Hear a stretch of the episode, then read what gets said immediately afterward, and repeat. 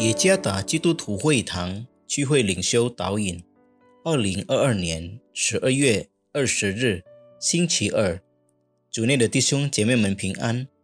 今天的领袖导引，我们要借着圣经启示录五章三到五节来思想今天的主题：来自犹大支派的狮子。作者何成礼传道。启示录五章三到五节，在天上。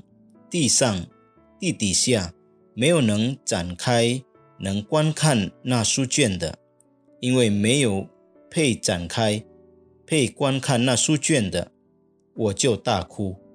长老中有一位对我说：“不要哭，看哪，有大支派中的狮子，大卫的根，他已得胜，能以展开那书卷，揭开那七印。” C.S. 路易斯是一位英国作家，他写了七部奇幻小说，即《纳尼亚传奇》。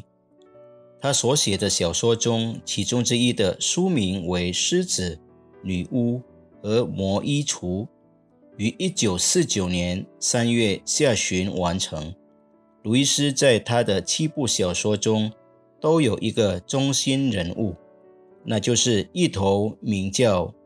阿斯兰的大狮子，阿斯兰是一只会说话的狮子，是纳尼亚王国的国王。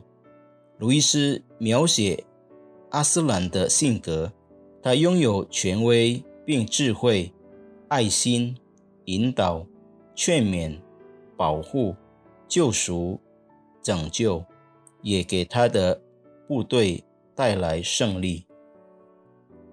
使徒约翰从上帝那里得到意象，看到用漆印封严了的书卷，是任何人都无法打开的，包括他自己。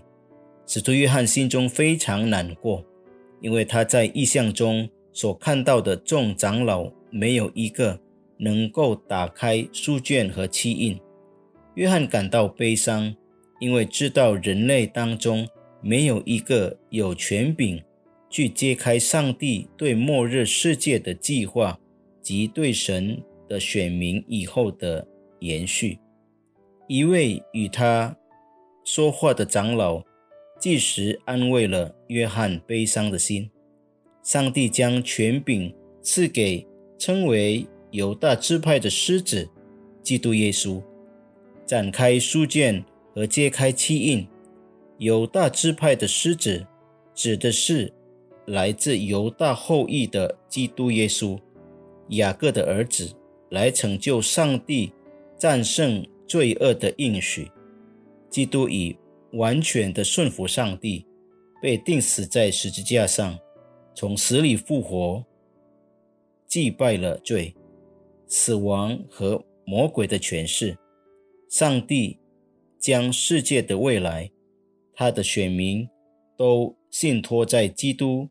犹大支派的狮子手中，无论是现今还是未来，我们的生命将托付给谁呢？如果上帝将世界的未来，包括他所拣选的人，交在基督的手中，那么我们这些被基督保血救赎的人，也应当将自己的生命全交在基督大能的手中。基督是犹大支派的狮子，他有完全的权柄，向我们揭示上帝对我们的美好计划，就是活在新天新地，与他一同执掌王权。也是他使我们能战胜罪恶、死亡、地狱，甚至魔鬼的权势。有大支派的狮子是一个蛮有权柄。能赢得属于他的，愿上帝赐福弟兄姐妹们。